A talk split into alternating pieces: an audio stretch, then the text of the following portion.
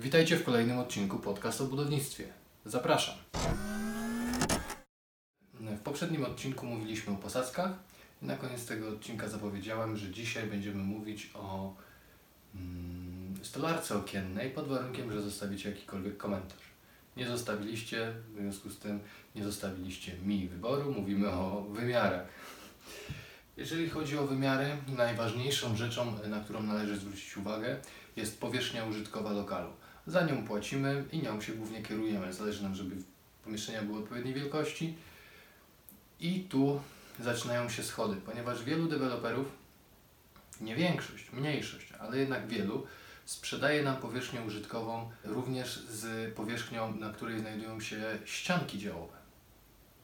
No to nie jest powierzchnia użytkowa, z której jesteśmy w stanie korzystać. Zgodnie z normą PN ISO 9836 dwukropek 1997 e, powierzchnia użytkowa pod ścianami demontowalnymi przesuwnymi wlicza się do powierzchni użytkowej. O ile przesuwne jesteśmy w stanie zrozumieć, że to jest jakaś składana ścianka, demontowalne ciężko określić, prawda, co to jest ścianka demontowalna.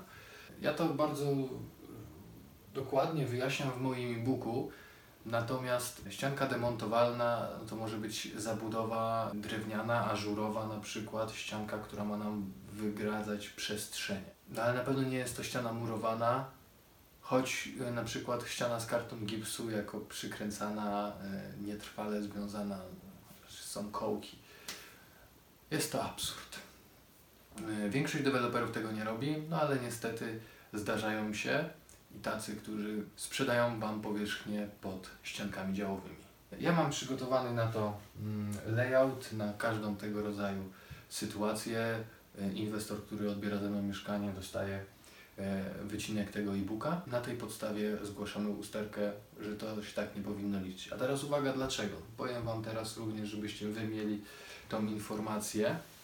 Na etapie projektu budowlanego jesteśmy zobligowani liczyć według tej normy. To nam nakazuje rozporządzenie pewne. Natomiast już mm, to, jaką powierzchnię sprzedaje Wam deweloper, to nie jest w żadnej normie usankcjonowane. On ma tylko wskazać sposób, według którego liczył powierzchnię użytkową. No i jeżeli liczył ją e, według własnego widzimisię, ok, mógł podać tą normę i powołać e, tą e, 9836 i powołać się e, na zapis o ściankach demontowalnych. No i oczywiście nie jest to doprecyzowane. Ścianki działowe jako demontowalne i sprzedać Wam tą powierzchnię. To jest kilka metrów, tak? Czyli co, kilkanaście, kilkadziesiąt tysięcy. Pod tym względem niestety nie możemy się bronić. Podpisujemy umowę, zdajemy sobie sprawę z tego, jak, za, co, za co płacimy, co kupujemy, ale to, żeby powierzchnia użytkowa była właściwie policzona, e, jest bardzo ważne na etapie podpisania e, końcowego aktu notarialnego przeniesienia własności nieruchomości. Tam geodeta uprawniony podaje powierzchnię użytkową, która jest następnie podstawą do opodatkowania, e, bo co roku płacimy podatek od nieruchomości. W ustawie dla geodety obliczającego tą powierzchnię jest już dokładnie powiedziane, że powierzchnię użytkową mierzymy po obrysie ścian. Więc niestety, czy to jest ściana demontowalna, czy nie, powierzchnię użytkową liczymy po obrysie ścian. I w związku z tym, jeżeli Wy zapłaciliście za te dodatkowe metry kwadratowe pod ściankami, no to przykro mi, taką podpisaliście niekorzystną umowę. Trzeba dlatego zawsze sprawdzać te umowy wstępne, umowy deweloperskie, które są podpisywane również w formie aktu notarialnego. Jedyny sposób, żeby utrzeć nosa deweloperowi, to jest zwrócenie uwagi, że na tym końcowym etapie, kiedy Wy już podpisujecie akt, to ma być podana właściwa, zgodna ze stanem rzeczywistym powierzchnia, a nie jakieś tam wydumane widzimisię. I to jest bardzo ważne i to jest moment, gdzie możemy się z deweloperem e, pokłócić, postawić na swoim, utrzeć mu nosa. Więc powierzchnię użytkową mamy. Teraz przejdźmy do samych wymiarów. Większość deweloperów przygotowuje wraz z umową deweloperską rzut, który jest wymiarowany, jest podana powierzchnia, są zaznaczone E, Wszystkie media są opisane dokładnie, lo- zlokalizowane mm, wszystkie punkty elektryczne i to jest świetne. My potem idziemy, sprawdzamy sobie, jesteśmy w stanie wszystko zweryfikować. Niestety są też deweloperzy, którzy wrzucają goły obrys ścian i powierzchnię. Nie ma wymiarów, nie ma nic, jest tylko ta powierzchnia. W takiej sytuacji nie jesteśmy w stanie wiele sprawdzić. Miałem taką sytuację w Konstancinie, że faktycznie ten rzut był taki prosty i znaleźliśmy dwie proste e, usterki. Otóż w ścianie bocznej e, segmentu, to był segment zewnętrzny, nie było dwóch okien. To było osiedle składające się z kilku takich modułów i te zewnętrzne na osiedlu miały, miały w ścianach bocznych okna.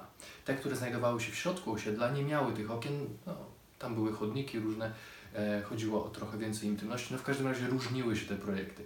Niestety sprzedając mieszkania sprzedawali wszystko na jednym rzucie z tego pierwszego etapu. No i podczas odbioru okazało się, że nie ma okien. Świetna karta przetargowa, ponieważ nikt Wam nie dołoży tych okien. Za dużo roboty. Ale y, po pierwsze, jesteście w stanie odmówić e, odbioru takiego lokalu. Możecie poprosić o wskazanie lokalu, który posiada te okna za tą samą cenę. Dlaczego nie? Przecież zapłaciliście, umówiliście się, nie ma, no może być w budynku obok. Czemu nie? Jeżeli macie czas, a tamten na przykład nie jest zrealizowany, albo jest zarezerwowany, nie została wpłacona zaliczka, bierzecie go, nie? Albo poprosicie o jakąś rekompensatę, na przykład wykonanie połowy prac remontowych, albo wszystkie. W sytuacji, kiedy mm, rzut zawiera więcej informacji, choćby wymiary, warto zwrócić uwagę, że wymiary są podane w świetle muru, to znaczy, że nie ma tynków. Jest mierzone do cegieł. Tynk powinien zawierać około, y, powinien mieć grubość około 1,5 cm. No to z takiego lokalu łatwo sobie odjąć po 3 cm na szerokości. Kolejna sprawa to są wymiary okien. One też, ponieważ zostały potem e, te boczne ścianki glify zostały otynkowane, to te wymiary są nieco mniejsze. Natomiast y, jesteśmy w stanie zweryfikować, tak? Na co warto zwrócić uwagę? Szerokości korytarzy. Czasami w małych mieszkaniach albo w jakichś takich ciaśniejszych segmentach te korytarze mają metr. Muszą mieć metr 20. Jest możliwość zwężenia do metra na krótkim odcinku, natomiast korytarz ma mieć metr 20 szerokości. Y, Szerokość pomieszczenia takiego najmniejszego pokoju warto, żeby nie była mniejsza niż 2,50. Kolejna rzecz to wysokości pomieszczeń. Minimalna wysokość pomieszczenia e, mieszkalnego to jest 2,5 metra. Oczywiście i mogą być niższe. Na poddaszach, jeżeli macie skośny dach, tu tego nie widzicie, ja jestem u siebie w domu na poddaszu, ścianka kolankowa jest bardzo wysoka, ponad 2 metry, ale dalej mam skośny dach.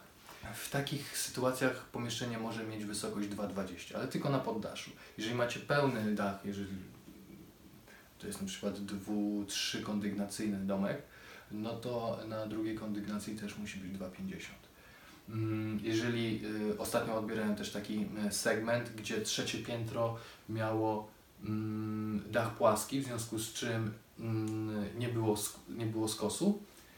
Y, I tam również powinno być 2,50, a nie było, było centymetr mniej. Wiadomo, nic z tym nie zrobimy. Deweloper nam nie podniesie. Oczywiście może zeszlifować posadzkę o centymetr. Ona pewnie wtedy popęka, bo nie będzie miała tej wymaganej grubości mm, i zaczną wyłazić mu instalację, bo pewnie nie ukrył jej w styropianie, tylko w wylewce. Mam sporo takich rzeczy. Mm, A to zawsze jest karta przetargowa, żeby coś wynegocjować, tak? Przesunięcie jakichś gniazdek, y, obróbkę jakichś y, mm, wyburzeń, cokolwiek. Zawsze, zawsze poproście, żeby coś w zamian Wam dał. On ma człowieka na miejscu, ma materiał na miejscu, można się z nim dogadać oczywiście, jeśli chce. To jest propos wysokości pomieszczeń, minimum 2,50. Ale jest jeszcze jedna ważna rzecz. Ja na odbiorach zawsze yy, nadmierzem laserowym sprawdzam wszystkie narożniki i środek pomieszczenia. Różnica wysokości yy, powyżej centymetra w takich pomiarach e, zmusza mnie, żeby bardzo precyzyjnie sprawdzić sufit.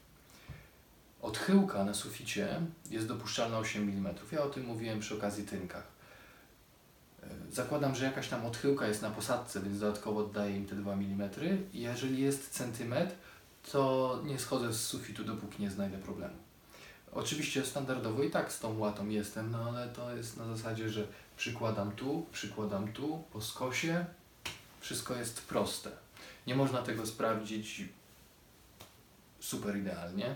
Warto by było, ale ja wtedy na jednym pomieszczeniu spędzałbym godzinę.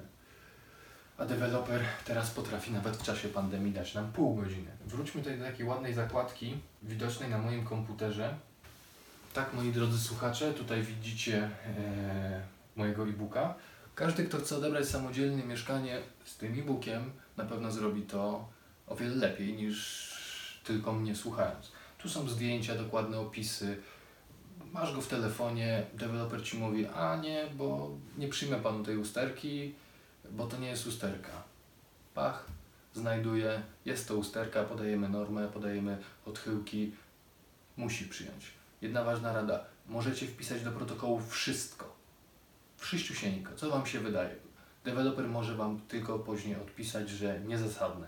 A Wy możecie drążyć temat na jakiej podstawie, ponieważ ustawa deweloperska nie mówi wprost, y, jak ma wyglądać uzasadnienie odrzucenia bądź przyjęcia. Przyjęcia się zwykle nie uzasadnia. Jak ma wyglądać uzasadnienie odrzucenia usterki.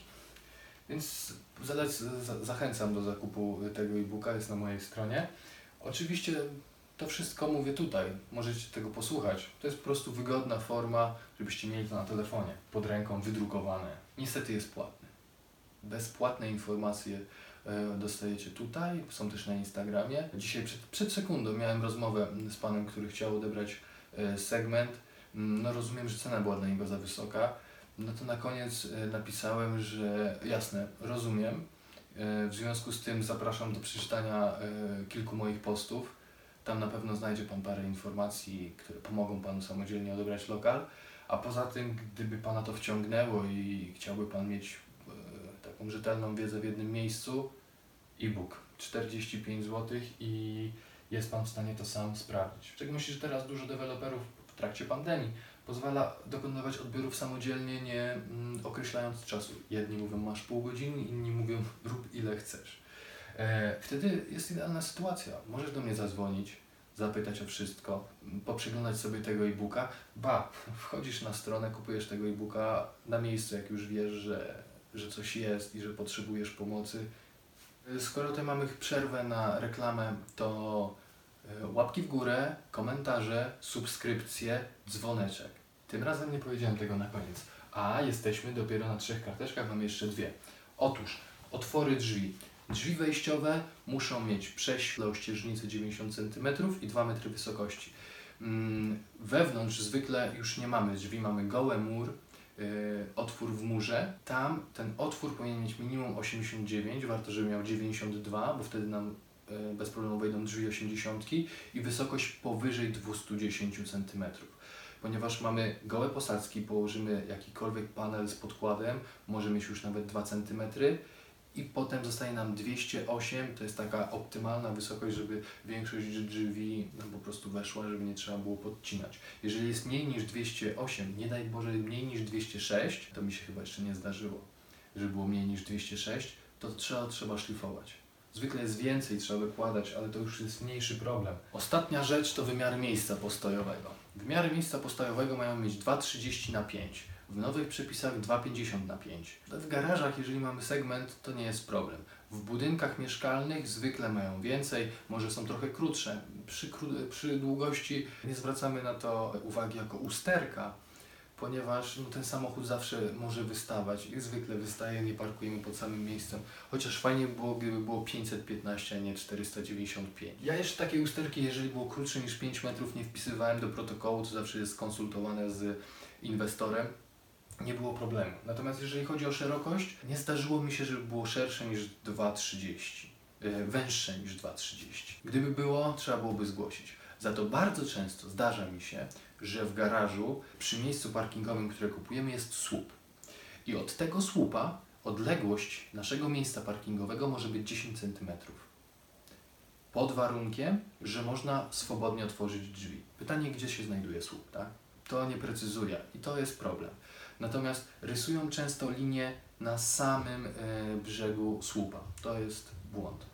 ma być minimum 10 cm. Jeżeli mamy pełną ścianę albo słup, który ma szerokość większą niż 50% tego otworu, e, czy, czyli powiedzmy, jeżeli mamy 5 metrów miejsce parkingowe, jeżeli ma 2,51, no to już e, traktujemy to jako ścianę i ma być odsunięte miejsce parkingowe minimum 30 cm, bo wtedy możemy swobodnie otworzyć drzwi. Wysokość miejsca parkingowego. Otóż jeżeli nad naszym miejscem parkingowym przebiega konstrukcja budynku, e, jakiś podciąg, e, jest czasem jak są słupy, to mają takie odsadzki, to od posadzki do spodu tej konstrukcji ma być minimum 2,20. Tak samo jeżeli mamy niski strop w budynku, tam ma być minimum 2,20. Czasami te stropy są ocieplone, to też do tego ocieplenia 2,20, nie do stropu. Natomiast pod tym stropem mogą znajdować się jeszcze instalacje, wentylacja, wodka, cokolwiek i do tych instalacji ma być minimum 2 metry. One zwykle mają uchwyty, śruba, ja mierzę zawsze do dołu śruby, ma być 2 metry. No i co? No i to tyle. Pytanie co na następnym odcinku? Jak myślicie? Ja bym bardzo chętnie opowiedział o stolarce, na którą się dzisiaj próbowałem z Wami umówić, ale no nikt mi nie napisał, żebyśmy rozmawiali o stolarce. Ale o wymiarach fajnie wyszło, nie? E, przepraszam, pogłos. Dzisiaj nagrywałem bez mikrofonu, yy, ponieważ ciągle mam jakieś zmiany sprzętowe, żeby dostosować jakość jak najlepiej. Testuję różne urządzenia i nie wszędzie kompatybilny jest mikrofon.